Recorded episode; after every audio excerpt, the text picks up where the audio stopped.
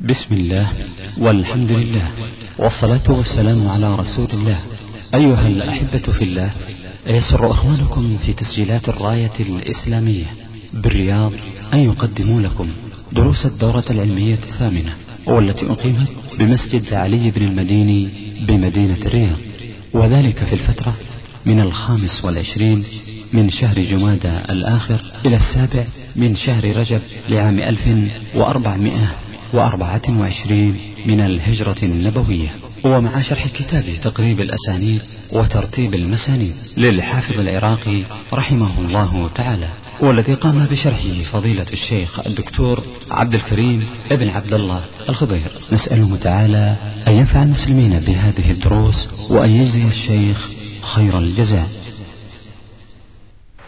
السلام عليكم ورحمة الله وبركاته. الحمد لله رب العالمين. صلى الله وسلم وبارك على عبده ورسوله نبينا محمد وعلى آله وصحبه أجمعين. ثم بعد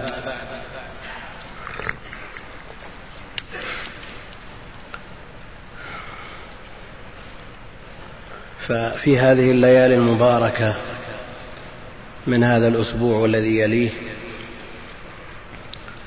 نعلق على كتاب من كتب أحاديث الأحكام. كتاب ألفه إمام من أئمة الحديث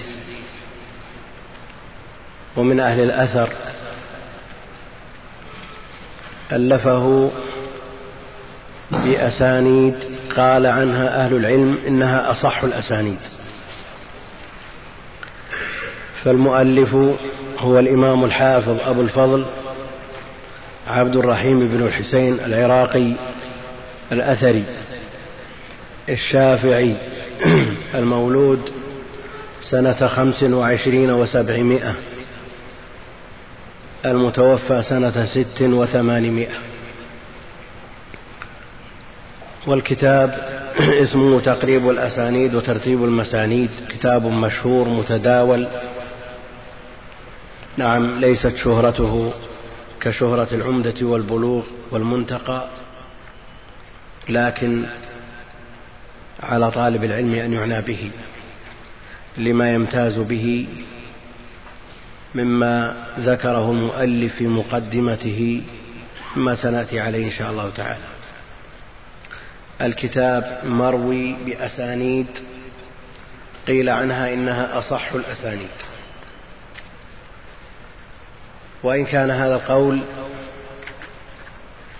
وهو وجود أصح الأسانيد على الإطلاق وإن قال به جمع من الأئمة إلا أن المختار خلافه. ولذا يقول الحافظ العراقي رحمه الله تعالى في ألفيته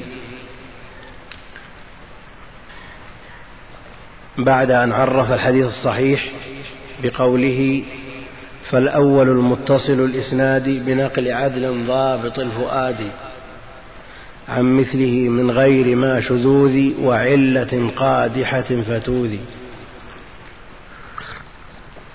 وبالصحيح والضعيف قصدوا في ظاهر للقطع والمعتمد. شوف والمعتمد هو يقول هذا. إمساكنا عن حكمنا على سند بأنه أصح مطلقا وقد خاض به قوم فقيل مالك عن نافع بما رواه الناسك مولاه واختر حيث عنه يسند الشافعي قلت وعنه أحمد. وجزم ابن حنبل بالزهري عن سالم أي عن أبيه البر وقيل زين العابدين عن أبه عن جده وابن شهاب عنه به. أو فابن سيرين عن السلماني عنه أو الأعمش عن ذي الشاني النخعي عن ابن قيس علقمة عن ابن مسعود ولم من عممه. المعتمد إمساكنا عن حكمنا على سند بأنه أصح مطلقا. هذا المعتمد. لماذا؟ لماذا؟ إلا لو نظرنا إلى الأسانيد المفضلة عند أهل العلم التي قالوا عنها إنها أصح الأسانيد. القول الأول من هذه الأقوال قول إمام الصنعة الإمام البخاري رحمه الله تعالى أصح الأسانيد مالك عن نافع عن ابن عمر. مالك عن نافع عن ابن عمر.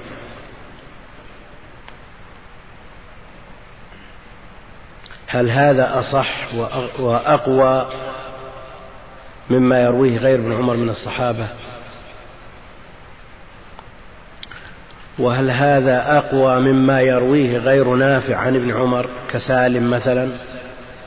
والأكثر على أن سالما أجل من نافع. نظرنا إلى مفرداتها أبو هريرة حافظ الصحابة على الإطلاق. ما نسي بعد أن بسط رداءه مما سمعه من النبي عليه الصلاة والسلام شيئا. فهل نقول إن ما يرويه ابن عمر أصح مطلقا مما يرويه أبو هريرة أو عمر نفسه؟ وهو أجل بمفاوز من ابنه عبد الله بن عمر.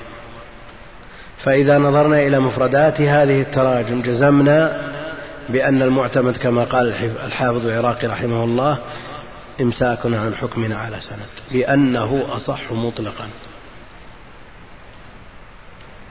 أيضا يلزم من هذا أننا نصحح بل نرجح ما يرويه مالك عن نافع عن ابن عمر. إذا اعتمدنا قول الإمام الصنعة الإمام البخاري رحمة الله عليه على ما يرويه غيره وإن كان ما يرويه مالك عن نافع عن ابن عمر خارج الصحيحين على ما يرويه غير هؤلاء مما في الصحيحين. والأمة مطبقة على تقديم ما في الصحيحين.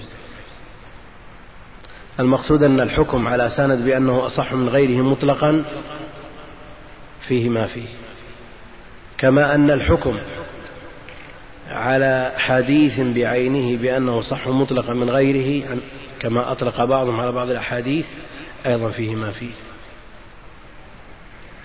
أو على راو من الرواة بأنه أوثق من غيره مطلقا في جميع الأحوال فيه ما فيه. بل هناك قرائن وهناك أمور تعرض للمفوق ما يجعله فائقا وإلا فأهل العلم فضلوا بعض الرواة على بعض. وعند التعارض رجح بعضهم على بعض ما لم تدل قرينة على ترجيح المفوق على هذا الفائق.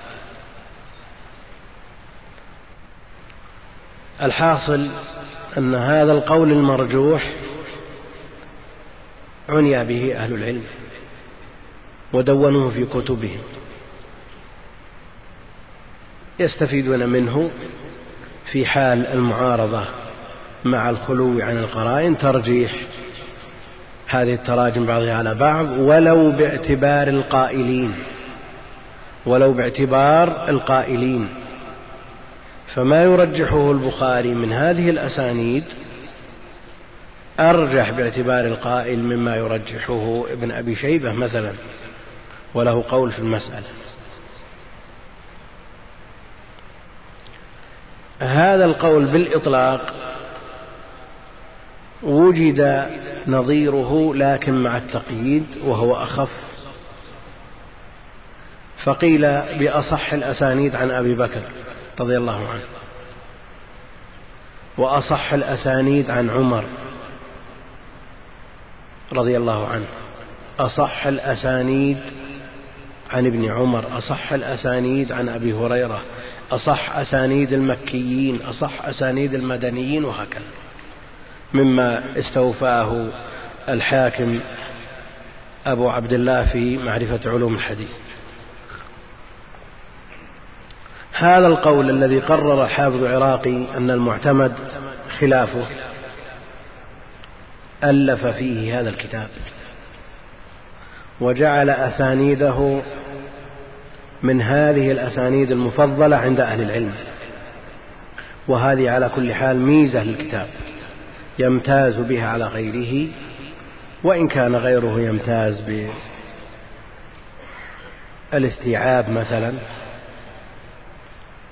لأنه قد يعوز في باب من الأبواب أن يجد حديثا مروي بسند قيل فيه أنه صح الأسانيد. بينما يجد لهذا الباب حديثا مناسبا من لا يشترط هذا الشرط.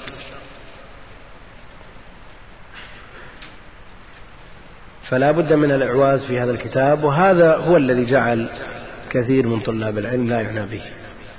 لكن ميزته وهو أنه مروي بهذه الأسانيد النظيفة ميزة جديرة وخليقة بالعناية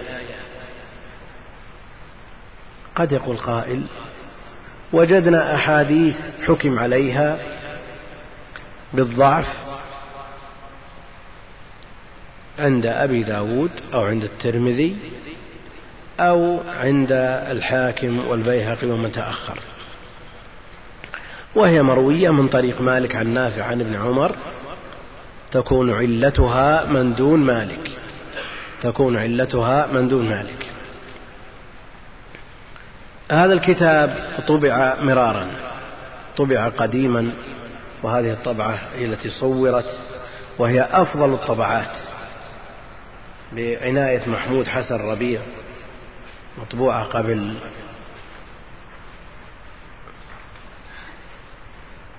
ستة أو سبعة وستين سنة لا أكثر قبل سبعين سنة سبعين سنة طبعة لا بأس بها في الجملة. طبع بعدها طبعات لا يعتمد عليها ولا يوثق بها. والأخطاء في هذه الطبعات لا تحتاج إلى بيان. فإحدى هذه الطبعات ذكر في غلافها في وجه الكتاب للحافظ العراقي المولود. شوف على الجلد. المولود سنة 806 هو متوفى سنة 806 فإذا كان الخطأ في وجه الكتاب فماذا عما في داخله؟ العادة أن الناشرين والذين يعنون بنشر الكتب يعتنون ويعنون بعناوين الكتب. لأنه إذا عثر على الخطأ في الصفحة الأولى فماذا عما في جوف الكتاب؟ هذه المطبعة التي طبعت هذا الكتاب وذكرت أنه مولود سنة 806 لا يوثق بمطبوعاتها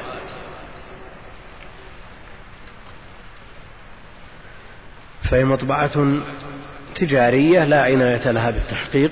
أيضا طبع الكتاب مرة ثانية وفيه خطأ في نفس العنوان. هم قالوا تأليف الحافظ زين الدين عبد الرحيم وحاطين على آه، الحسين الياء شدة مكسورة. كان الحسين. نعم. المتوفى سنة ست وعشرين وثمانمائة. خطأ. هذه وفاة الابن الذي ألف من أجله الكتاب. وليس وفاة المؤلف. فمثل هذه الطبعات لا يوثق بها ولا يعتمد عليها. وعلى طالب العلم أن يعنى بالطبعات التي تتولاها أهل العلم في نشرها. والمطابع القديمة في الغالب يتولى تصحيح الكتب فيها علماء. يتولى التصحيح فيها علماء. والغالب على المطابع المتأخرة الغالب أن الأهداف والله أعلم بالمقاصد التجارة. ولذا لا يهمهم أن يصحح الكتاب على يد عالم متقن محرر جهبذ أو على يد أي طالب يحسن القراءة والكتابة كما وجد من الأخطاء والأوهام في بعض الطبعات التي تدل على ذلك. فعلينا أن نعنى بهذا أتم عناية. ولنحرص على الطبعات القديمة ولو مصورة عن القديم أفضل من النشر الجديد. ما لم يبين أن هذا أو يعرف أن الذي تولى تحقيق الكتاب له عناية ومعرفة وخبرة ودقة في التحقيق. وذكر مبررا مقبولا لإعادة تحقيق الكتاب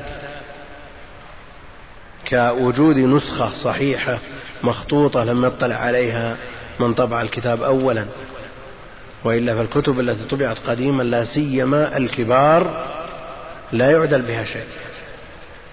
والآن عندنا طبع عندنا طبعتان من هذا الكتاب على صفحة الغلاف خطأ. فكيف بما في جوف الكتاب؟ ما ظنكم بمطبعة تطبع كتاب الإمام البخاري العنوان جزء القراءة خلف الصلاة؟ جزء القراءة خلف الصلاة. كيف خلف الصلاة؟ يعني إذا كان هذا هو العنوان في المحتوى وش يصير؟ ناهيك عن التعليقات والتخريجات والتحقيقات التي يذكرونها مما لا قيمة لكثير منه.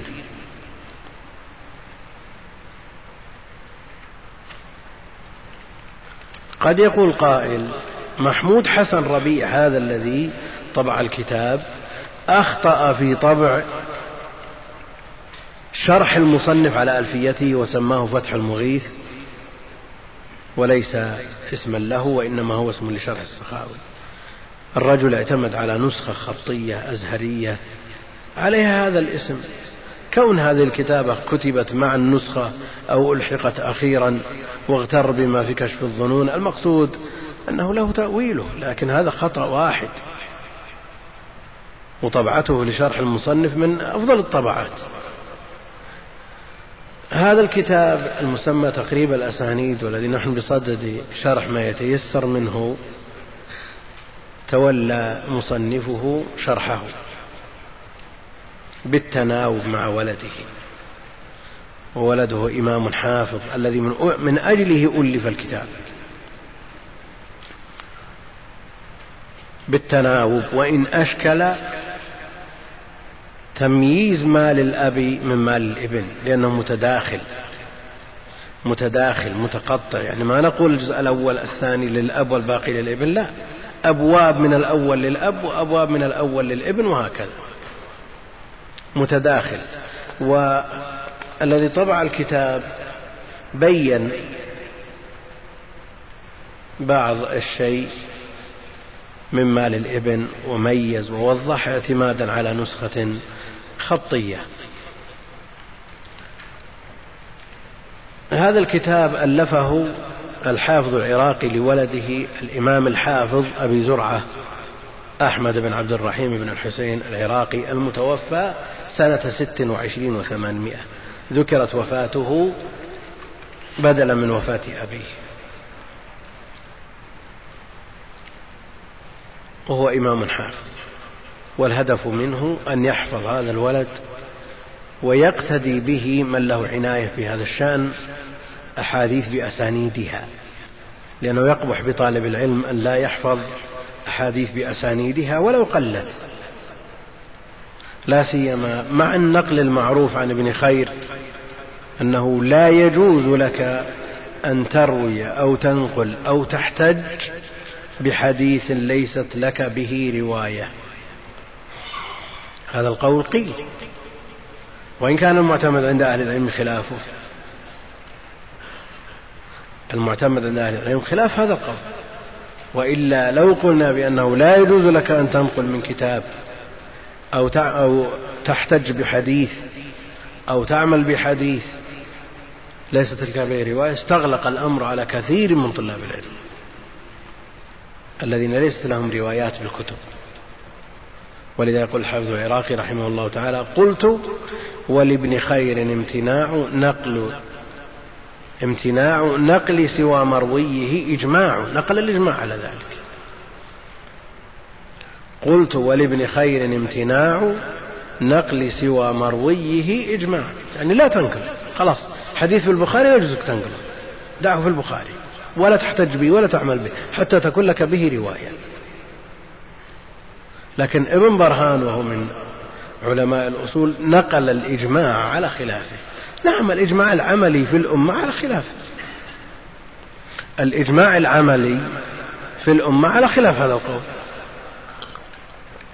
أهل العلم قاطبة ممن ليست لهم أسانيد متصلة منهم إلى النبي عليه الصلاة والسلام ينقلون ويحتجون بأحاديث في البخاري وفي مسلم وفي غيرها من دواوين الإسلام ولو لم تكن لهم بها رواية. فلننظر في مدى التساهل في نقل الإجماع. يعني نقل الإجماع على أنه لا يجوز ونقل الإجماع على الجواز. تباين. وهذا تساهل شديد واسع الخطو في نقل الاتفاق. كثير من أهل العلم ينقلون الإجماع في مسائل الخلاف فيها معروف لكن هذا لا يعني أن طالب العلم لا يهاب الإجماع.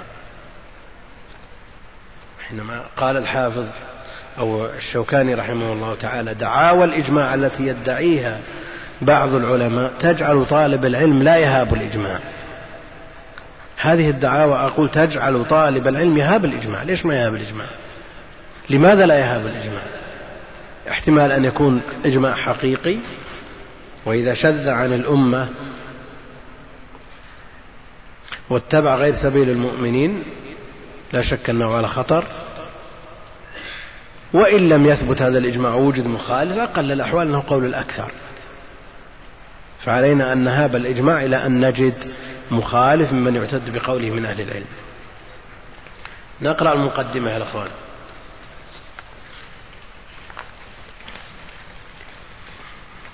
نعم. بسم الله الرحمن الرحيم. الحمد لله رب العالمين والصلاة والسلام على رسول الله وعلى آله وأصحابه أجمعين. اللهم اغفر لنا ولشيخنا وللحاضرين. برحمتك يا أرحم الراحمين. أما بعد. بسم الله الرحمن الرحيم وهو حسبي ونعم الوكيل. قال الشيخ الإمام العالم زين الدين عبد الرحيم العراقي رحمه الله ونفعنا بعلمه وتأليفه وجميع المسلمين. هذه من هذه المقدمة كما هو واضح من الناسخ من ناسخ الكتاب وكثير من النساخ. يذكرون مثل هذا وهذا مما يتميز بنفسه مما هو متميز بنفسه. لا يحتاج أن يقال هذا من الناسخ أو يقول الناسخ قلت لا ما يحتاج. هذا متميز بنفسه لأن الحافظ العراقي لا يمكن أن يقول قال الشيخ الإمام إلى آخره. الشيخ الحافظ العراقي رحمه الله يقول الحمد لله الذي أنزل إلى آخره. نعم. هذا متميز بنفسه ولا يحتاج إلى تمييز. كثير من النساخ يذكر مثل هذا آه، يبتدئ به كتابته ثم يأتي بما وقف عليه من تأليف والتأليف كما تعلمون طرائق المتقدمين تختلف فيه عن طرائق المتأخرين. التأليف عند المتقدمين يذكر في المؤلف الراوي عن المؤلف. الراوي عن المؤلف يذكر اسمه في كل مقطع وفي كل حديث كان أحاديث. راوي الكتاب عن المؤلف. فإذا نظرنا إلى موطأ الإمام مالك. ماذا نجد من الأسانيد؟ حدثنا يحيى بن يحيى قال أخبرنا مالك. في رواية يحيى بن يحيى في كل حديث. في المسند الأصلي قال عبد الله حدثني أبي في تصانيف الشافعي رحمه الله تعالى قال الربيع. الذي يخفى عليه طريقة المتقدمين في التأليف. يقول من الذي قال عبد الله؟ في المسند حدثني أبي شخص آخر. إذا المسند ليس للإمام أحمد ولا لعبد الله إنما هو لشخص آخر. يقول هذا الشخص الثالث. قال عبد الله حدثني أبي. ومن لا يفهم طرائق المتقدمين يقع في خطأ مضحك وهو في الوقت نفسه محزن. يأتي من لا ناقة له في العلم ولا جمل فيؤلف كتاب إصلاح أشنع خطأ في تاريخ التشريع الإسلامي. الأم ليست للإمام الشافعي. ليش الأم ليست؟ الإمام الشافعي. الشافعي ممكن أن يقول قال الربيع. مستحيل. لكن هذا إذا ننفي كل كتب المتقدمين كلها على هذه الطريقة. لا بد أن ننفي. المسند للإمام ليس الإمام أحمد. الموطأ ليس الإمام مالك لأن فيه حدثنا يحيى بن يحيى وغيره من الرواة.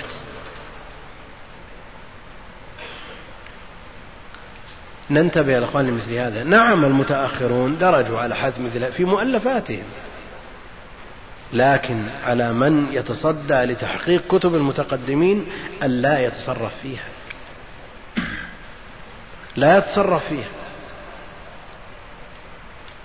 ومن الخطأ الذي وقع فيه الشيخ أحمد شاكر على إمامته وجلالته في هذا الشأن أنه حذف حذف عبد الله بن الإمام أحمد وحذف الإمام أحمد.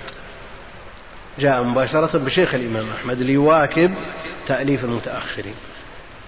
هذا تصرف يا أخي تصرف في كتب الآخرين. هذا لا لا تسنده الأمانة العلمية التي ينادون بها ويطنطنون بها.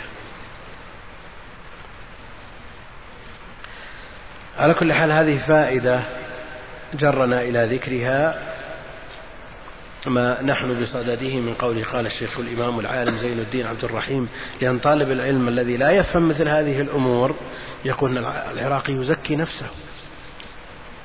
كيف يقول العراقي؟ العراقي يقول عن نفسه قال الشيخ الإمام العالم زين الدين يزكي نفسه والله جل وعلا يقول فلا تزكوا أنفسكم لا الحافظ العراقي من أبعد الناس عن هذه الأمور. من عرف سيرته عرف أنه من أبعد الناس عن هذه الأمور. نعم قد يحتاج في بعض المواضع لشحن ذهن الطالب وتحريضه على حفظ هذه المسألة أن يمدح هذا البيت ويمدح هذه المسألة وتحرير هذه المسألة كما يقول ابن القيم رحمه الله تعالى. فاحرص على هذه الفائدة علك أن لا تجدها في مصنف آخر البتة. يثني على ما جاء به لحفز همة طالب العلم. لكن ليست هذه العادة القاعدة مضطردة عنده ابن القيم رحمه الله تعالى وهو يشرح أحوال المقربين المنهج اليومي للمقربين. يشرحها بدقة من واقع ومن خلال النصوص ومن خلال التطبيق العملي الذي يزاوله هو. ومع ذلك يقول هذه حال المقربين والله ما شممت لهم رائحة. تواضعون. يشرح بالتطبيق العملي تجزم ابن القيم يطبق هذا الكلام. فهم أبعد الناس عن مثل هذا الكلام ولا يظن بهم أن يقولوا مثل هذا الكلام. وأنتم أيضا بجميل خلقكم وكريم شمائلكم احتملوا مثل هذه الاستطرادات. نعم. الحمد لله الذي أنزل الأحكام لإمضاء علمه القديم. الحمد لله الذي أنزل الأحكام ذهبنا نشرح المفردات. ما يكفي ولا يحتاج إلى الكتاب إلى سنين لكن إجمالا نقول الحمد يعرفه الأكثر بأنه الثناء على المحمود بالجميل الاختياري. وابن القيم رحمه الله تعالى لا يرتضي هذا التعريف لأن الحمد شيء والثناء شيء آخر. كما في حديث قسمت الصلاة بيني وبين عبدي نصفين فإذا قال العبد الحمد لله رب العالمين قال حمدني عبدي فإذا قال الرحمن الرحيم قال أثنى علي عبدي فالثناء غير الحمد والأكثر يعرفون الحمد بالثناء. ابن القيم اختار أن الحمد هو ذكر المحمود بأوصافه الجميلة مع حبه وتعظيمه وتكرار المحامد يسمى ثناء عنده. الحمد لله واللام للاختصاص الذي أنزل الأحكام. الأحكام يعني المستمدة من كتاب الله جل وعلا المنزل على نبيه عليه الصلاة والسلام ومن سنته عليه الصلاة والسلام التي هي في حكم القرآن وحي يوحى كما قال جل وعلا وما ينطق عن الهوى إن هو إلا وحي يوحى والنبي عليه الصلاة والسلام في وقائع كثيرة يوحى إليه بوحي من السنة لا من القرآن. بوحي من السنة لا من القرآن. والأصل أن الوحي عرفا عند أهل العلم خاص بالقرآن لكن السنة في حكمه هي وحي كما قال جل وعلا. الذي أنزل الأحكام لإمضاء علمه القديم. أنزل الأحكام لإمضاء علمه القديم لاختبار الناس. أنزل الأحكام لامتحان المكلفين ليمضي علمه القديم من تقسيم الناس إلى شقي وسعيد. ليمضي هذا الحكم الذي كتب قبل أن تخلق الخلائق بكم؟ خمسين ألف سنة. لإمضاء هذا الحكم ولتقسيم الناس إلى فريقين فريق في الجنة وفريق في السعير أنزل الأحكام. ولا كيف يتم اختبار الناس المطيع من العاصي؟ الله سبحانه وتعالى يعرف ولو لم يعمل هؤلاء ولو لم يخلقهم يعرف أن هذا تركيبه وهو الذي أودع في هذا التركيب من أهل الجنة وهؤلاء من أهل النار ولا يبالي جل وعلا لكن ليخرج الأمر إلى عالم الشهود وليقيم الحجج على خلقه. فيمضي فيهم هذا العلم القديم الذي كتبه عليهم عدلا منه جل وعلا بمن هم ممن كتبوا من العصاة ورحمة بالفريق الآخر الذين هم أصحاب الجنة. نعم. وأجزل الإنعام لشاكر فضله العميم. لئن شكرتم لأزيدنكم. العاقل لا يفتر عن الشكر لأنه لا يزال في نعم تتجدد ونعم تترى. نعم لا تعد ولا تحصى. وإن تعدوا نعمة الله لا تحصوها. فالعاقل الناصح لنفسه يلهج بذكر الله وشكره. وفي دبور كل صلاة يقول اللهم أعني على ذكرك وشكرك. والتسلسل في الشكر مطلوب لأن الشكر نعمة تحتاج إلى شكر. الشكر الثاني نعمة تحتاج إلى شكر فعلى المسلم أن يبقى دائما وأبدا حامدا شاكرا ذاكرا مخبتا منيبا إلى ربه جل وعلا منكسرا بين يديه. نعم. وأشهد أن لا إله إلا الله وحده لا شريك له البر الرحيم. وأشهد أن محمدا عبده ورسوله المبعوث بالدين القويم. القويم والقيم والقيم. دينا قيما ودينا قيما. ذلك دين القيمة.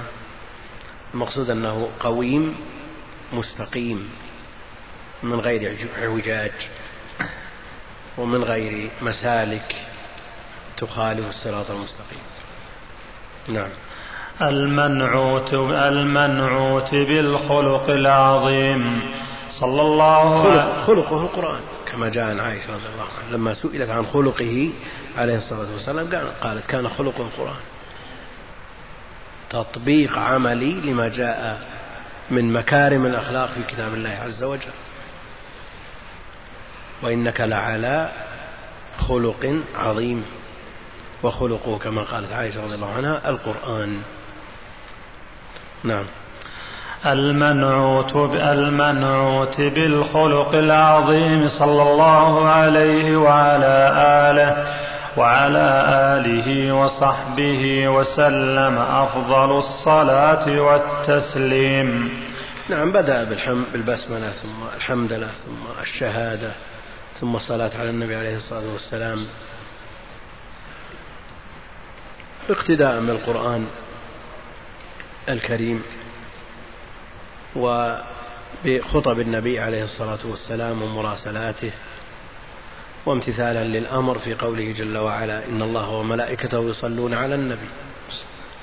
يا أيها الذين آمنوا صلوا عليه وسلموا تسليما والامتثال يتم بقولنا صلى الله عليه وسلم بالجمع بين الصلاة والسلام دون إفراد لأحدهما عن الآخر.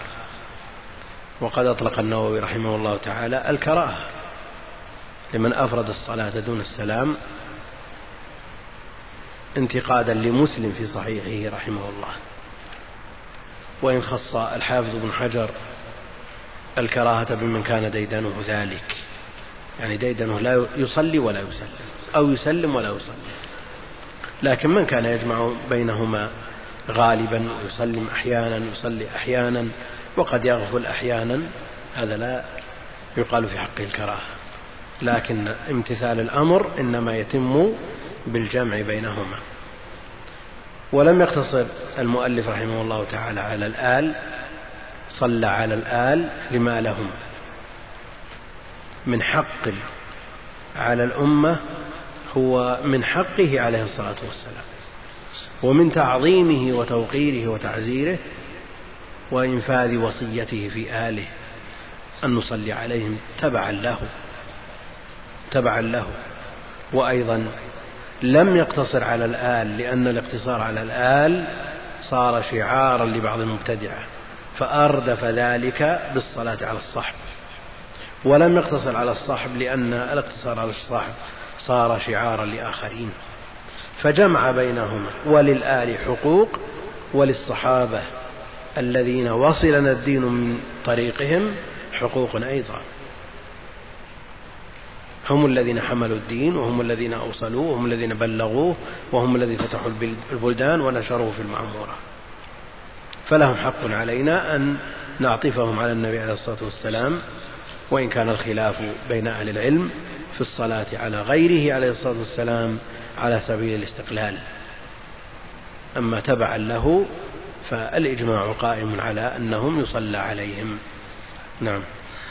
وبعد فقد أردت أن أجمع لابني أبي زرعة مختصرا في أحاديث الأحكام.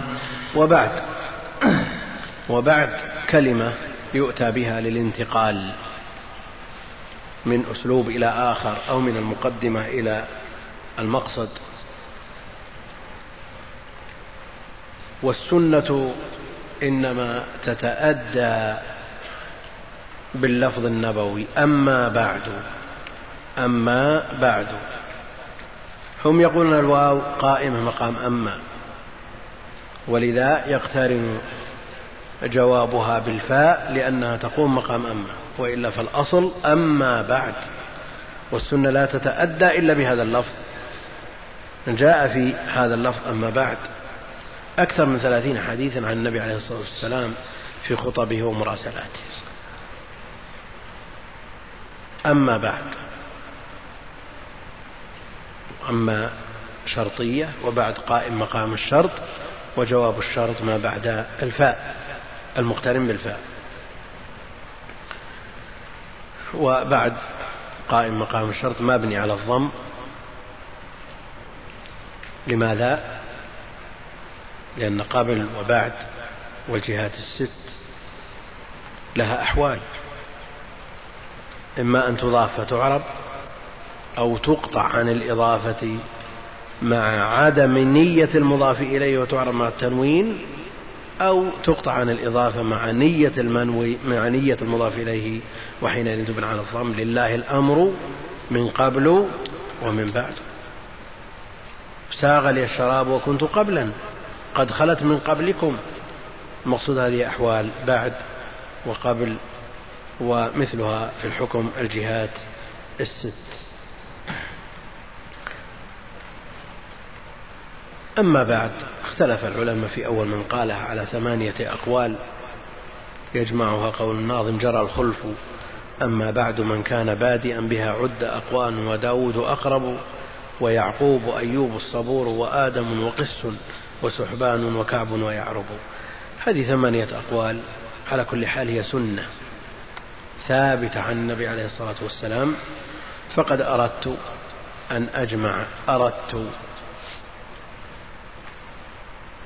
أن أجمع يعني قصدت إلى جمع أحاديث لابنه وطلاب العلم في حكم هذا الابن.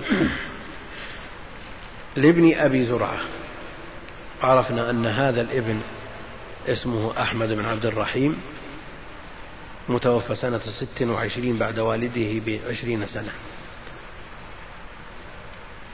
جد واجتهد وسهر وتعب حتى أدرك وصار من كبار الحفاظ في زمانه رحمه الله تعالى. نعم.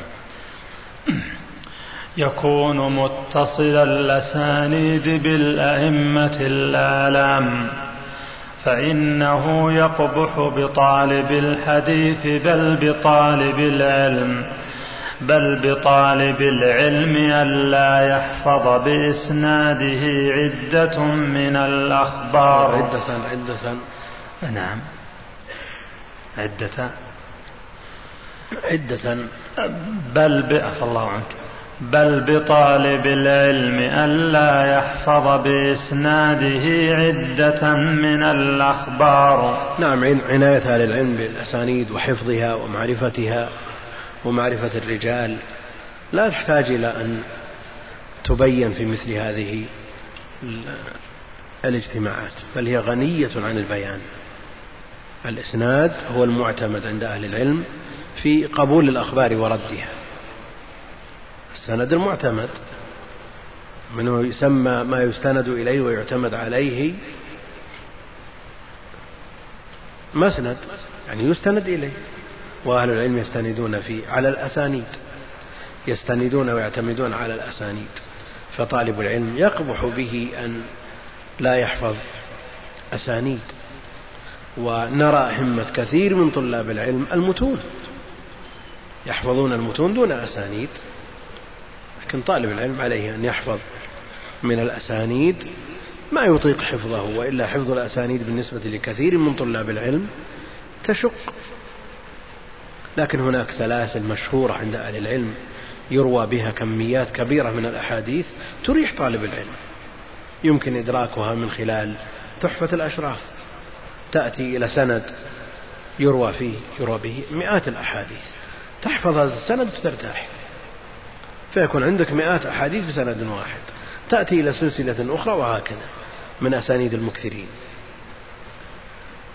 تأتي على سبيل التمرين والتدريب أن تحفظ الأربعين متونة كما ألفها النووي وتبحث عن أسانيدها في الكتب الأصلية التي انتخبت منها هذه الأحاديث فتحفظ الأربعين بأسانيدها. يكون لك وجه بين طلاب الحديث. أن تعيش لا تعرف أسانيد. يعني يمر عليك الرجل لا تدري. أحيانا يمر بعض الرجال على بعض الكبار يشك هل هو رجل أو امرأة. هل هذا يجمل بطالب العلم أن أن يتردد في راوي هل هو رجل أو امرأة؟ يجمل بطالب العلم أن يتردد في مثل هذا. أو لا يعرف أن هذا من رواة البخاري وهذا من رواة ابن ماجه. يصلح يحسن هذا بطالب علم. وقفت على فهرس جعل واثلة بن الأسقع مع النساء واثلة. قلت إذا جويرة بن أسماء وش بيسوي أين أين يضع جويرية بن أسماء؟ إذا وضع واثلة بن الأسقع مع, النساء. شيء يقبح جهله في طالب العلم. يزري بطالب العلم. والحمد لله يعني الاتجاه إلى السنة وتطبيق السنة وحفظ السنة هذا الآن ظاهر والله الحمد لكن لا نقتصر على المتون. قد يقول قائل مثلا أحفظ التقريب. نقول صعب حفظ التقريب لكن لو أدمنت النظر في الكتب الأصلية وراجعت عليها الشروح وما قاله الشروح عن هذا الراوي أدركت هذه الأسانيد بالتدريج. أدركتها بالتدريج. لأنك تعمد إلى التقريب مثلا متعب على هذا لا سيما من لا تسعفه الحافظة. لكن يقرأ في إرشاد الساري مثلا ما ينتهي من الكتاب إلا عنده ثروة كبيرة من الرجال مضبوطة بالحرف. ومع التكرار خلاص يرسخ هذا العلم في ذهنه. فالأسانيد على طالب العلم أن يعنى بها. وأنتم في وقت الحفظ فيه ما زالت الحافظة طرية غضة تقبل. لكن إذا انتبهتم فيما بعد وندمتم على ما فات ولا تساعة مندم لأن الحافظة والذاكرة تكل. وإذا لم يداوم عليها ويستمر الحفظ عليها خلاص تخبط كغيرها من الغرائز. إذا عطلت ضعفت. إذا عطلت ضعفت. فعلينا أن نعنى بالحفظ والمتون هي الغايات والأسانيد وسائل لهذه الغايات لكنها لها أحكام المقاصد بها تحفظ هذه المقاصد. نعم. يستغنى بها عن حمل الأسفار في الأسفار. حمل الأسفار. الأسفار جمع سفر وهو الكتاب. يستغنى بهذه الأسانيد التي تحفظ من خلال هذا الكتاب عن حمل الكتب. في الأسفار جمع سفر والأسفار يعني نقل يعني تصور الإنسان ينقل كتبه من بلد إلى بلد ومسافر رايح جاي معه كتبه كلها أو ما يحتاج إليه من كتب صعب. لكن يحفظ يرتاح قد يقول قائل جاءت هذه المحمولات وفيها علوم الأولين والآخرين فيها كل شيء. قرص بقدر كف اليد فيه كل ما تحتاجه. نقول نعم وسائل معينة لكن ليس لا يعتمد عليها ولا تخرج طلاب علم. يستفاد منها في الأسفار. لكن لا تغنيك عما في صدرك. لا تغني لا يمكن أن يستغنى بها عما في الصدر. العلم ما حواه الصدر. فإن تحرق القرطاس لا تحرق الذي تضمنه القرطاس وهو في صدرك. نعم الحفظ وحده لا يكفي بل لا بد من الفهم ولا بد أيضا من العمل ليثبت هذا المحفوظ والعمل هو الثمرة المرجوة من العلم. نعم. وعن مراجعة الأصول عند المذاكرة والاستحضار. ما يحتاج إلى أن تقول أحضر صحيح البخاري أحضر صحيح مسلم وأنت في مجتمع طلاب علم تذاكرون مسألة أو تذاكرون حديث من الأحاديث وطرق هذا الحديث وعمن يروى هذا الحديث. إذا حفظت مثل هذه الأسانيد. نعم. ويتخلص به من الحرج في الجزم بنقل ما ليست له به رواية. فإنه غير سائغ بإجماع أهل الدراية. نعم هو قلد في هذا الكلام ابن خير الإشبيلي صاحب الفهرست المعروف الذي نقل فيه الإجماع على أنه لا يجوز لك أن تجزم بنقل شيء آه تنقل ولا تجزم ولا وانت ليست لك به رواية. وذكر حافظ رحمه الله في ألفيته قلت ولابن خير امتناع نقل سوى مرويه إجماع. وعرفنا أن الإجماع نقل أيضا على نقيضه. نعم. ولما رأيت صعوبة حفظ الأسانيد في هذه الأعصار لطولها وكان قصر أسانيد المتقدمين وسيلة لتسهيلها. رأيت أن أجمع نعم آه، آه، قصر أسانيد المتقدمين وسيلة لتسهيلها. يعني طالب العلم يعنى بالعوالي من أجل حفظ الأسانيد. فيرتفع إلى كتب المتقدمين. يبدأ موطأ مالك. أسانيده ثنائية. وإذا نزلت صارت ثلاثية. يقرأ في مسند الإمام أحمد وفيه من الثلاثيات أكثر من ثلاثمائة حديث عوالي. لكن كل ما نزل طبقة زاد راوي. إلى أن يصل إلى التساعيات والعشاريات إلى زماننا هذا وفيه أكثر من عشرين راويا. فعلينا أن نعنى بكتب المتقدمين. لنضبط الأسانيد. أسانيد مالك سهلة. لكن هات أسانيد المستدرك والبيهقي دون حفظها خرط القتال. دون حفظها خرط القتال. ولهذه الفائدة والميزة اعتمد المؤلف على الموطأ والمسند. اعتمد المؤلف في أحاديثه على الموطأ والمسند. ينقل السند والمتن من الموطأ والمسند. ويخرج الأحاديث مما يوافق هذين الكتابين. لأن اللي يقرأ المقدمة في فهمها عسر ما لم يتصور هذا الكلام. نعم اقرأ. نعم. وكان قصر أسانيد المتقدمين وسيلة لتسهيلها. رأيت أن أجمع أحاديث عديدة في تراجم محصورة. تراجم ولا تراجم؟ نعم. سؤال. شلون يا شيخ؟ نعم. ما ما وش السؤال يا شيخ؟ تراجم كما قلت أو تراجم؟ في تراجم محصورة. تراجم بالحجارة ولا بإيش؟ ها؟ في تراجم. كيف؟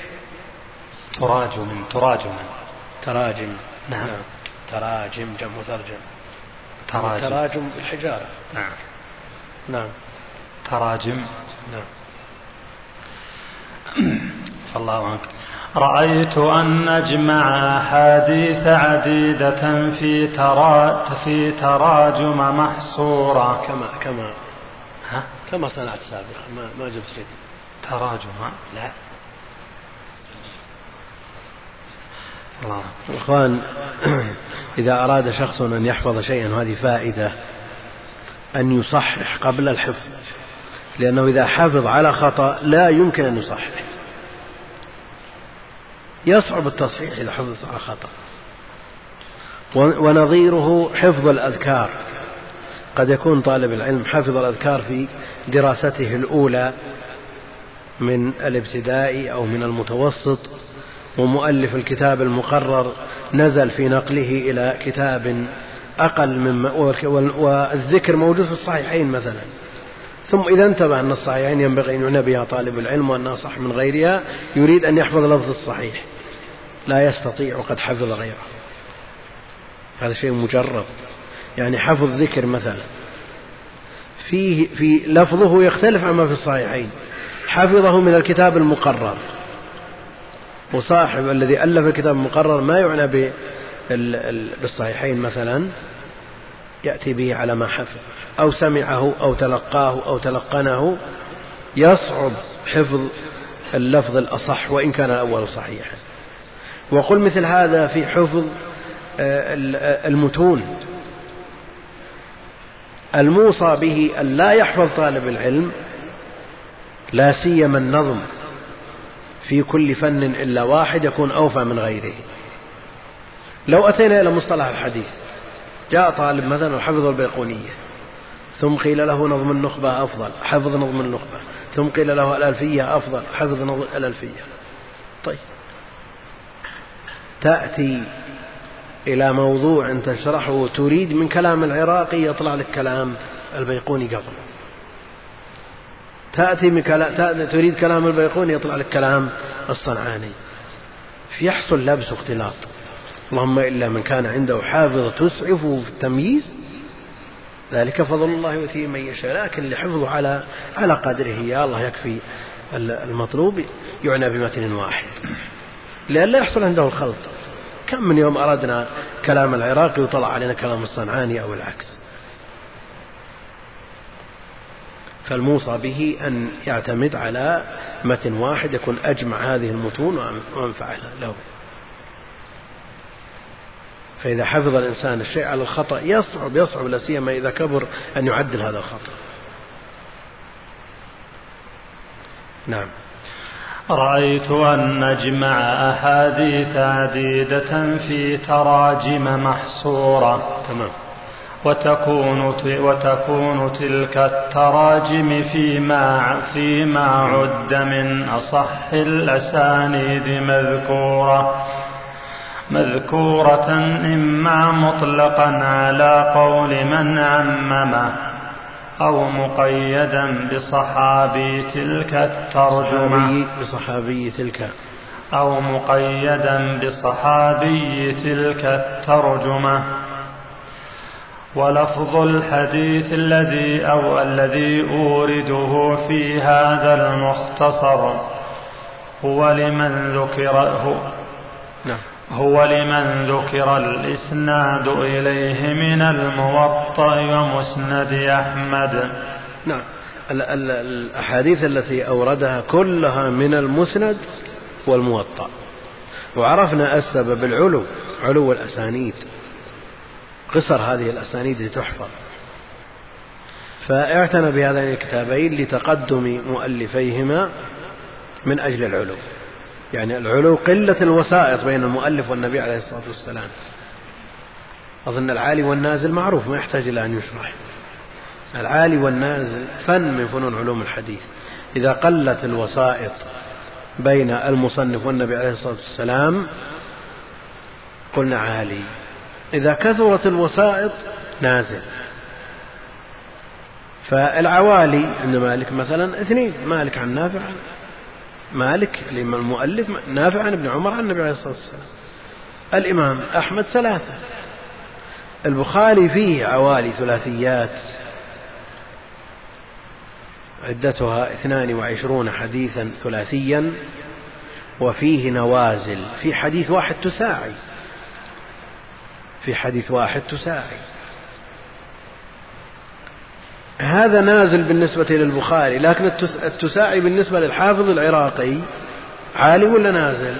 عالي عالي جدا عنده تساعيات وعشاريات عوالي بالنسبة له. لماذا؟ لأن بينه وبين البخاري كم قرن؟ هذا ست وخمسين ومائتين وهذا ثمانمائة وستة. كم؟ خمسة قرون ونصف؟ خمسة قرون ونصف بينهم. يعني لو جرت الأمور عادية على مر السنين لكانت تساعي عند البخاري نسبيا يصل إليه الحافظ العراقي بكم؟ ثلاثة أضعاف. ثلاثة أضعاف. وأهل العلم قاطبة يفضلون العوالي. يفضلون العوالي. لماذا؟ لأنه كلما قلت الوسائط قل احتمال الخطأ. ما من راو من الرواة إلا ويحتمل أن يتطرق الخطأ بسببه. ما من راو من الرواة لو فرضنا أن حديث خماسي مثلا وحديث ثلاثي. نقول الحديث الثلاثي أعلى من الخماسي وأفضل والعلماء يرحلون من أجل حديث واحد ثلاثي أو حديث عالي.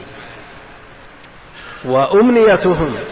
ماذا يتمنى الإمام يحيى بن معين؟ يتمنى إيش؟ نعم بيت خالي وسند عالي أو ابن المدينة. أيهم. نعم. المقصود أن الأمنية عندهم يتمنون أن يوجد بيت خالي وسند عالي بيت خالي علشان إيش؟ لأنهم مرنوا أنفسهم على الأنس بالله عز وجل. أما تصور شخص منا بيت ما فيه أحد. يعني على لسانه شاء أم أبى أنه يساكن الجن. ينتظر بس من يطرق الباب أو يطلع أو يخرج هو من البيت. كأنه سجين. سند عالي قلت الوسائط فيه بينه وبين النبي عليه الصلاة والسلام لأنه ما من راو من الرواة إلا ويحتمل أن يتطرق الخلل إلى الحديث من جهته. من يعرف من الخطأ والنسيان؟ بعض المتكلمين تحدث فيما هرف فيما لا يعرف. قال لا الأسانيد النازلها أفضل. ليش؟ لماذا؟ لأن الأجر على قدر التعب. يعني أن تبحث في إسناد عالي ثلاثة رواة مثلا تحتاج إلى ربع ساعة كل واحد يبي خمس دقائق تنظر إلى كتب الرجال. لكن زد بقدر الرجال الزائدين يزيد تعبك ويزيد أجرك. نقول لا يا أخي دع هذا لأهله فلست من أهله. دع المكارم لا ترحل لبغيتها بعض المتكلمين هذا دخل فيما لا يحسنه ولا يتقنه.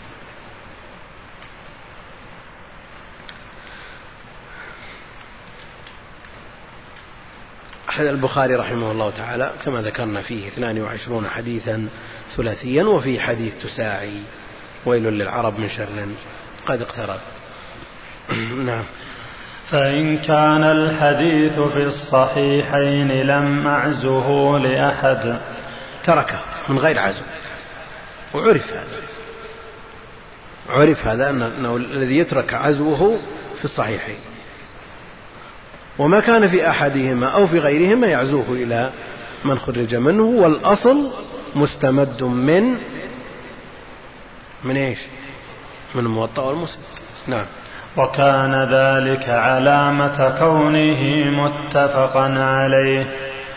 وإن كان في أحدهما اقتصرت على عزوه إليه. نعم لأن تكثير العزو مع وجود الحديث في الصحيحين أو في أحدهما يشق على الطالب من جهة وأيضا كون الحديث في الصحيحين قد تلقتهما الأمة بالقبول لا نحتاج إلى أن يوجد الحديث في غيرهما. نعم.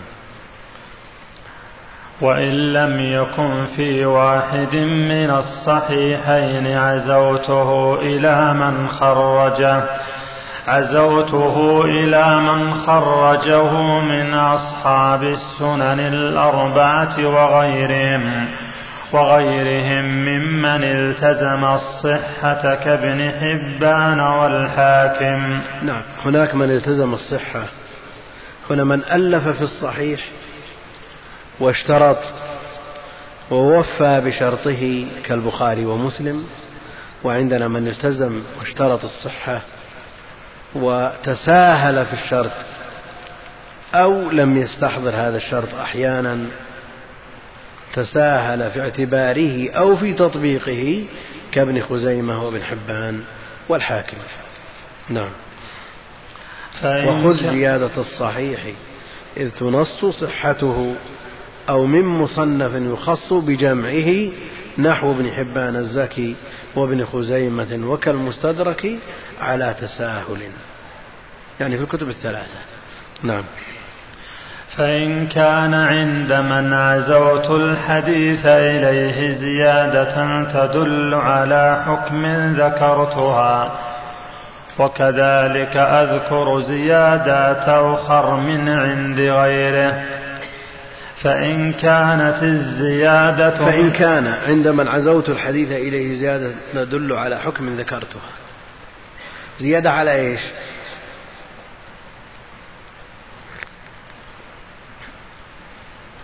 على ما في المسند والموطأ. نعم. فإن نعم. فإن كانت الزيادة من حديث ذلك الصحابي لم أذكره بل أقول ولأبي داود أو غيره كذا. وإن كانت من غير حديثه قلت ولفلان من حديث فلان كذا. نعم جرت عادة أهل العلم أنهم يذكرون الحديث الأصل ويردفونه بما زيد عليه. من كتب أخرى عن ذلك الصحابي فلا يحتاج إلى ذكره. يذكرون الحديث ويخرجونه ويقولون ولمسلم ولأبي داود. إن كان عن نفس الصحابي ما يحتاجون أن يقول ولمسلم من حديث فلان. لو إن كان من غير, من غير ذلك عن غير ذلك الصحابي قال ولأبي داود عن فلان. لأنه اختلف الصحابي. وكذا أذكر زيادات أخرى من عند غيره فإن كانت الزيادة من حديث ذلك الصحابي لم أذكره هذه جادة معتبرة أنه إذا لم يذكر الصحابي فالزيادة عن طريق الصحابي المذكور أولا. قد يحصل وهم أحيانا عند الحافظ وعند غيره ممن صنف وليسوا بالمعصومين. بل أقول ولأبي داود وغيره كذا. وإن كانت من غير حديثه يعني من حديث صحابي آخر قلت ولفلان من حديث فلان كذا. نعم. وإذا اجتمع حديثان فأكثر في ترجمة واحدة. كقولي عن نافع عن ابن عمر لم أذكرها في الثاني وما بعده. بل أكتفي بقولي وعنه ما لم يحصل اشتباه. وحيث عزوت الحديث لمن خرجه فإنما أريد فإنما أريد أصل الحديث لا ذلك اللفظ على قاعدة المستخرجات. نعم الاستخراج والمستخرجات أن يعمد حافظ إلى كتاب من الكتب المعتمدة عند أهل العلم الكتب الأصلية فيخرج هذه الأحاديث أحاديث هذا الكتاب بأسانيده هو من غير طريق صاحب الكتاب. من غير طريق صاحب الكتاب. استخرجوا على الصحيح كأبي عوانة ونحوه فاجتنبي عزوك ألفاظ المتون لهما إذ خالفت لفظا ومعنى ربما وما تزيد فاحكم بصحته. فهو مع العلو من فائدة والأصل. هذا الشاهد. والأصل يعني البيهقي ومن عزى وليت إذ زاد الحميدي ميزا. المستخرجات استخرجوا على الصحيحين بمعنى أن أبا عوانة وأبا نعيم وغيرهما ممن استخرج الصحيحين على أحدهما خرجوا لأنفسهم من طريقهم بأسانيدهم من غير مرور بصاحب الكتاب الأصلي يوافقونه في شيخه أو في شيخ شيخه أو فيما بعده من غير طريقه هو. يخرجون تلك الأحاديث والمستخرجات لها فوائد كثيرة جدا ذكرها وبيانها آه، خروج عن المقصود لكن يهمنا من المستخرجات أن المؤلف يروي من غير طريق صاحب الكتاب الأصلي وعلى هذا لا بد أن يوجد اختلاف في الغالب. اختلاف في اللفظ وهذا كثير جدا واختلاف في المعنى وهذا قليل. ولذا يقول الحافظ رحمه الله تعالى إذ خالفت لفظا ومعنى ربما.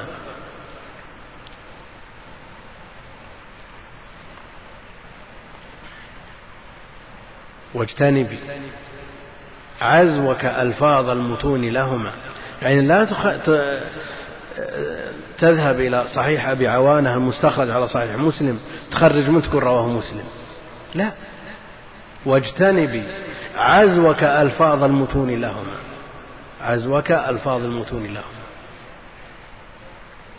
لأن المستخرج لا يتقيد بلفظ الكتاب الأصلي. لأنه لم يروي الحديث من طريق صاحب الكتاب الأصلي.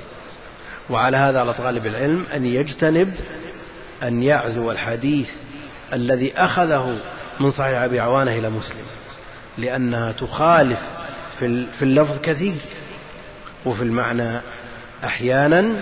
ولذا يقول الحافظ رحمه الله إذ خالفت لفظا ومعنى ربما واستعمل ربما في معنييها الحقيقي والمجازي معناها رب التقليل استعملها في لفظها الحقيقي إذا خالفت في المعاني واستعملها في معناها المجازي إذا خالف في آه، المعنى دون اللفظ.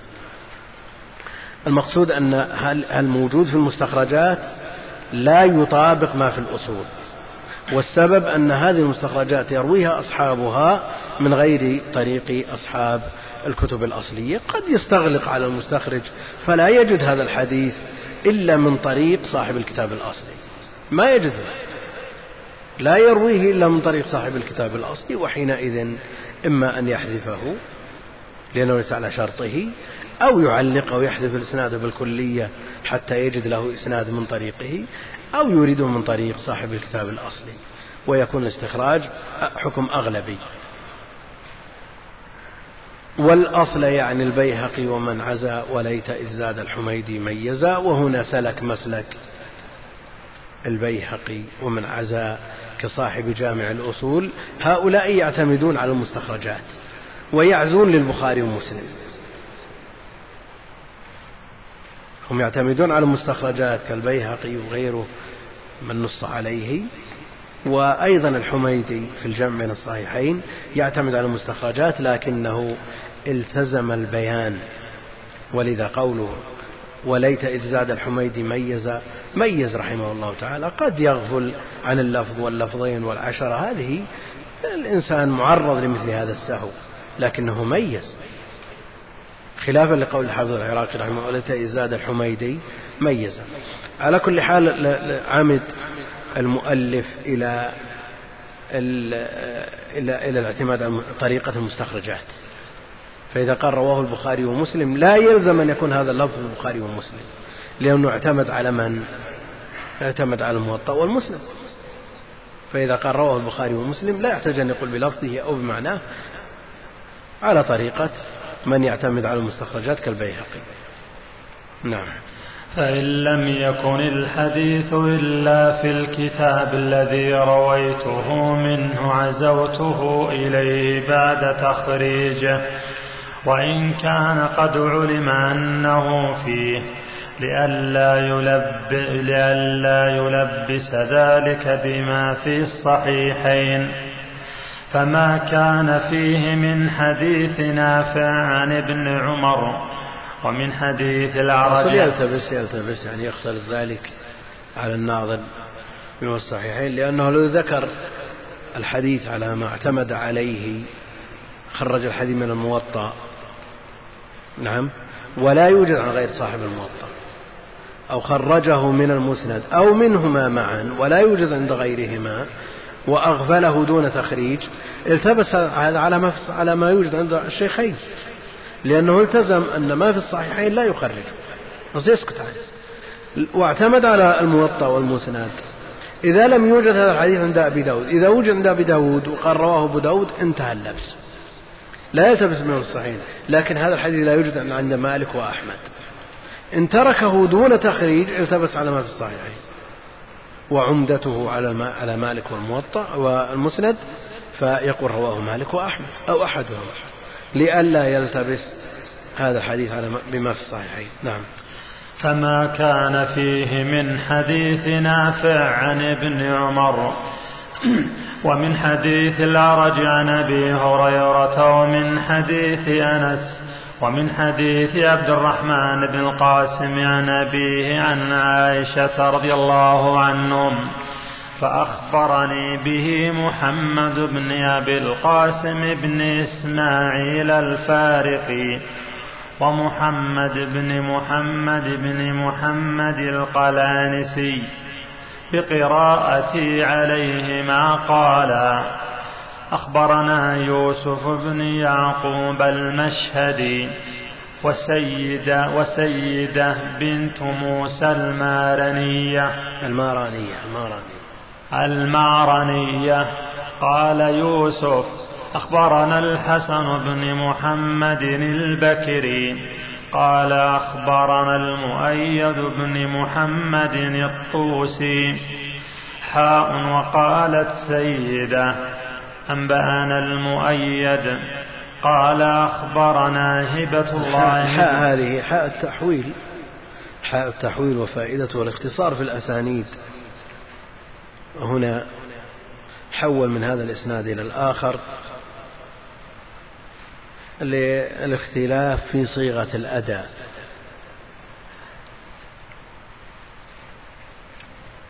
الحسن بن محمد البكري قال أخبرنا يعني تحمل الحديث بطريق العرض على شيخه وسيد هذه روت الحديث عن شيخها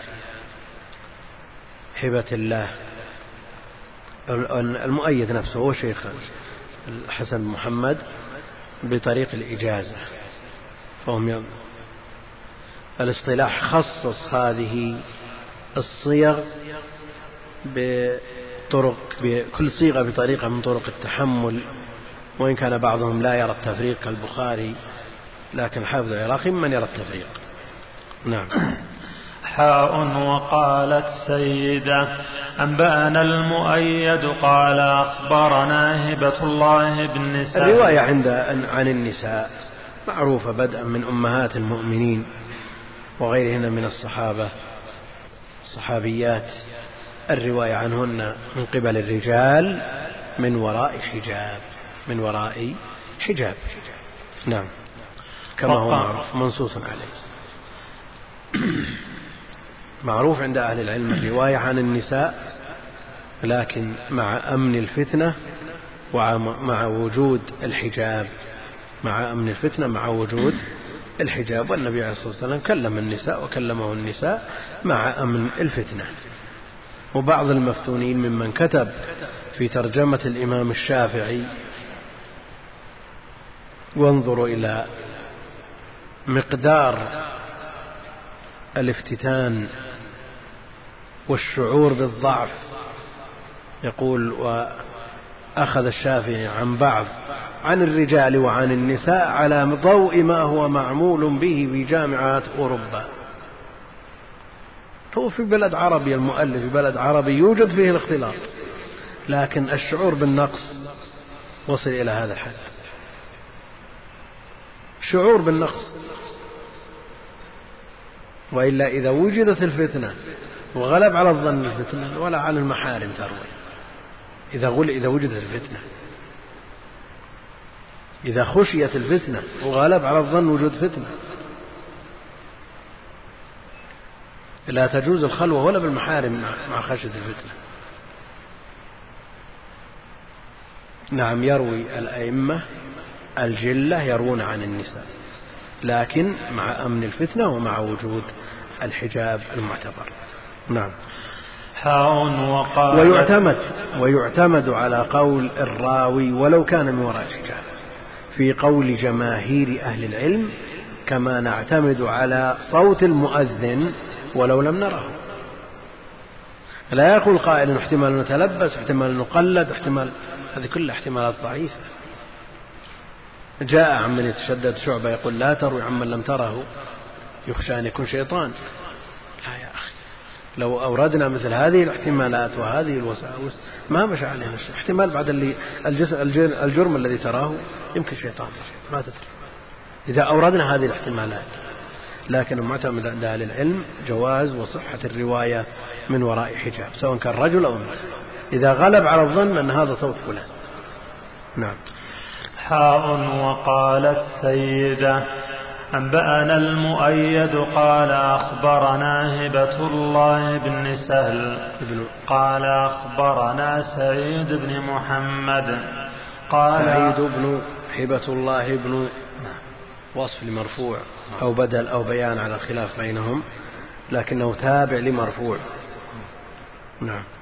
قال الله قال أخبرنا سعيد بن محمد قال أخبرنا زاهر بن أحمد قال أخبرنا إبراهيم بن عبد الصمد قال حدثنا أبو مصعب أحمد بن أبي بكر قال حدثنا مالك بن أنس عن نافع عن ابن عمر ومالك عن أبي الزناد عن الأعرج عن أبي هريرة ومالك عن الزهري عن أنس ومالك عن عبد الرحمن بن القاسم عن أبيه عن عائشة وما كان فيه من غير الآن مالك في موطئه أو الموطأ للإمام مالك له روايات كثيرة.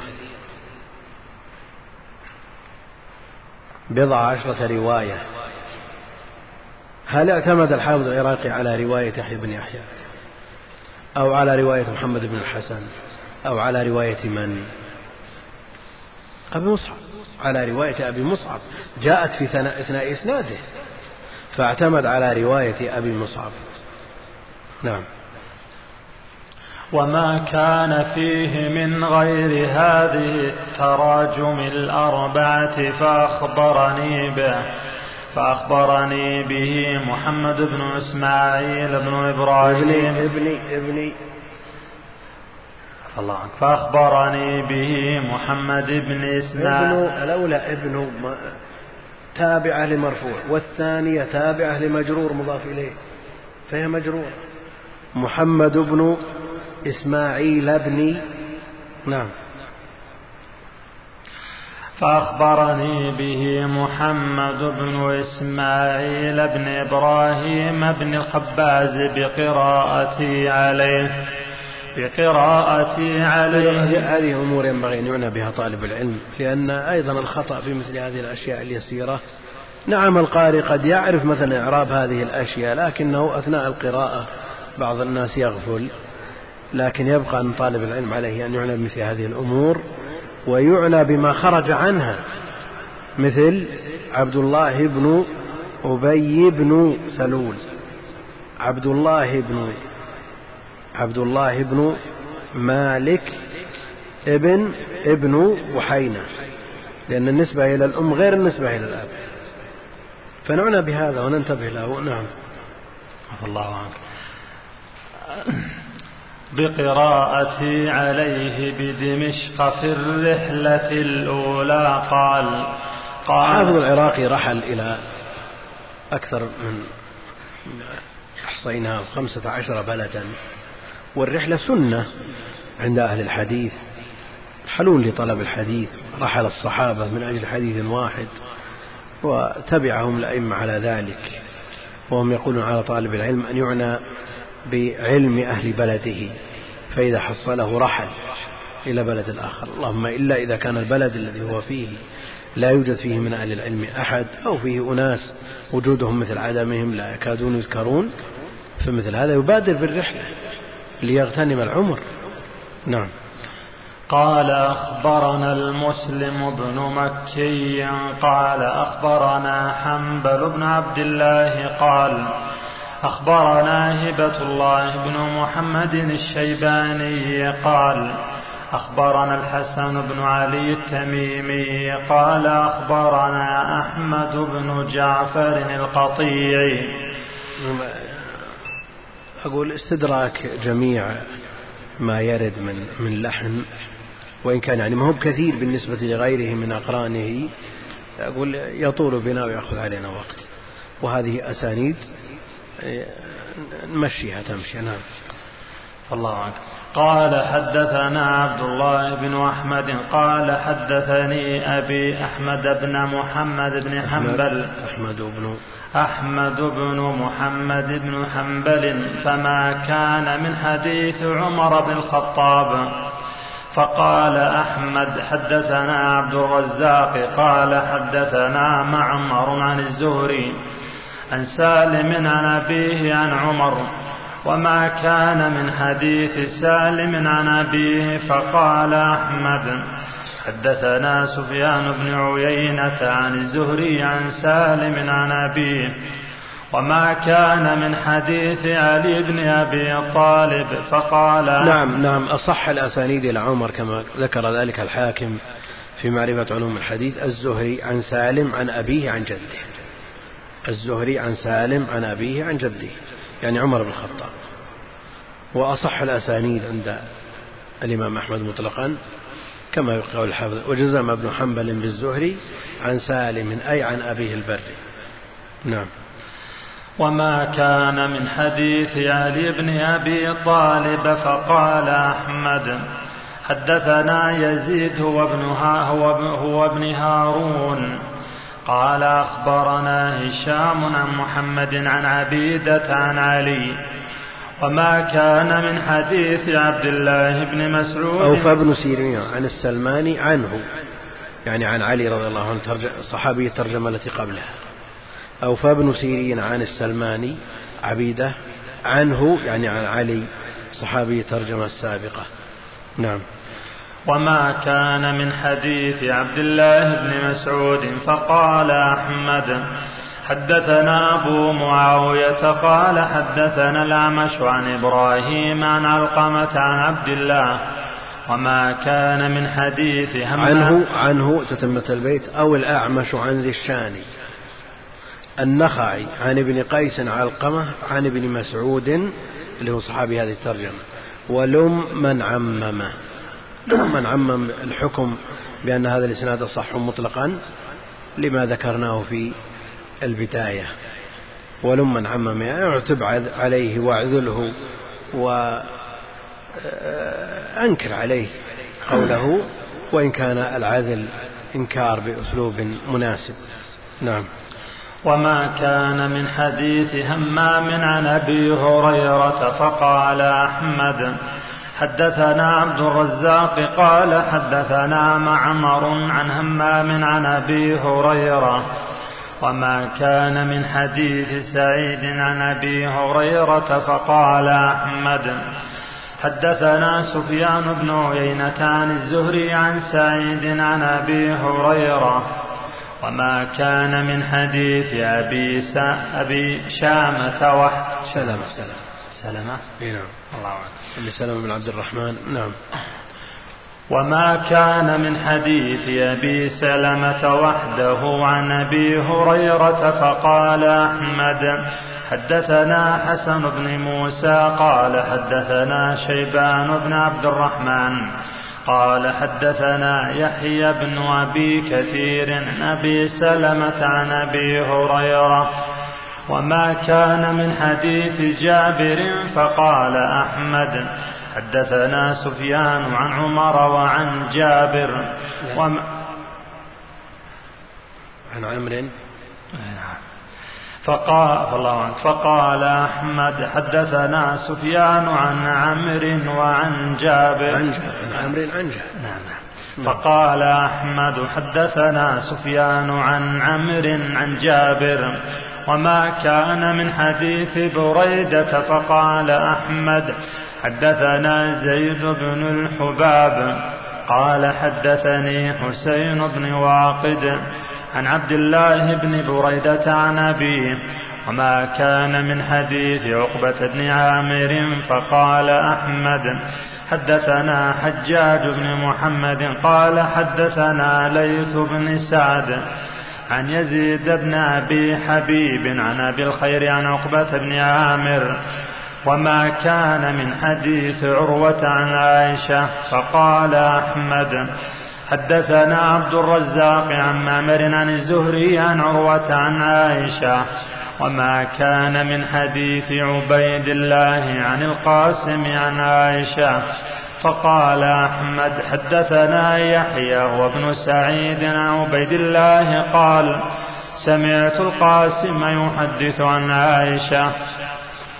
ولم أرتبه على الترا على التراجم بل على بل على نعم. ولم أرتبه.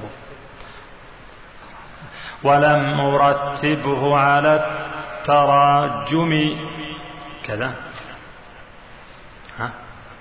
أنت معتاد من قراءتك ولذلك يصعب تعليم تراجمي. جيم. نعم. تراجم. مو قلنا التراجم جئنا بكلام يجعل السامع ما ينسى. تراجم بالحجار تراجم بالحجار تفاعل من الرجم. نعم.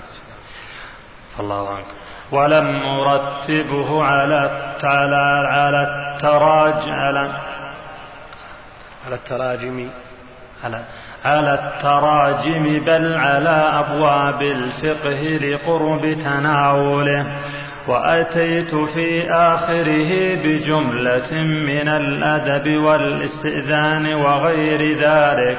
نعم هو بإمكانه أن يرتب على التراجم ليختصر هذه التراجم.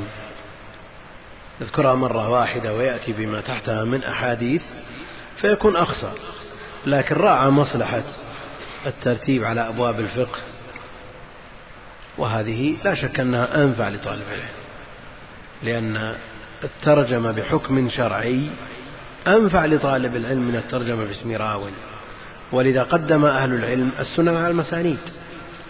وإن كانت مثلها في القوة تقرر شيخ الإسلام أن شرط الإمام أحمد في المسند مثل شرط أبي داود لم يكن أعلى منه. وأهل العلم يجعلون المسانيد في الرتبة دون السنن. ولذا يقول الحافظ العراقي رحمه الله تعالى ودونها في رتبة ما جعل على المسانيد فيدعى الجفلا السنن تترجم بأحكام فقهية. ولذا المؤلف حينما يذكر الحديث الذي ترجم عليه بحكم شرعي أيها الأحبة في الله على ذلك الحكم. ما تبقى من مادة هذا الشريط؟ تتابعونها في الشريط التالي. مع تحيات إخوانكم في تسجيلات الراية الإسلامية بالرياض والسلام عليكم ورحمة الله وبركاته.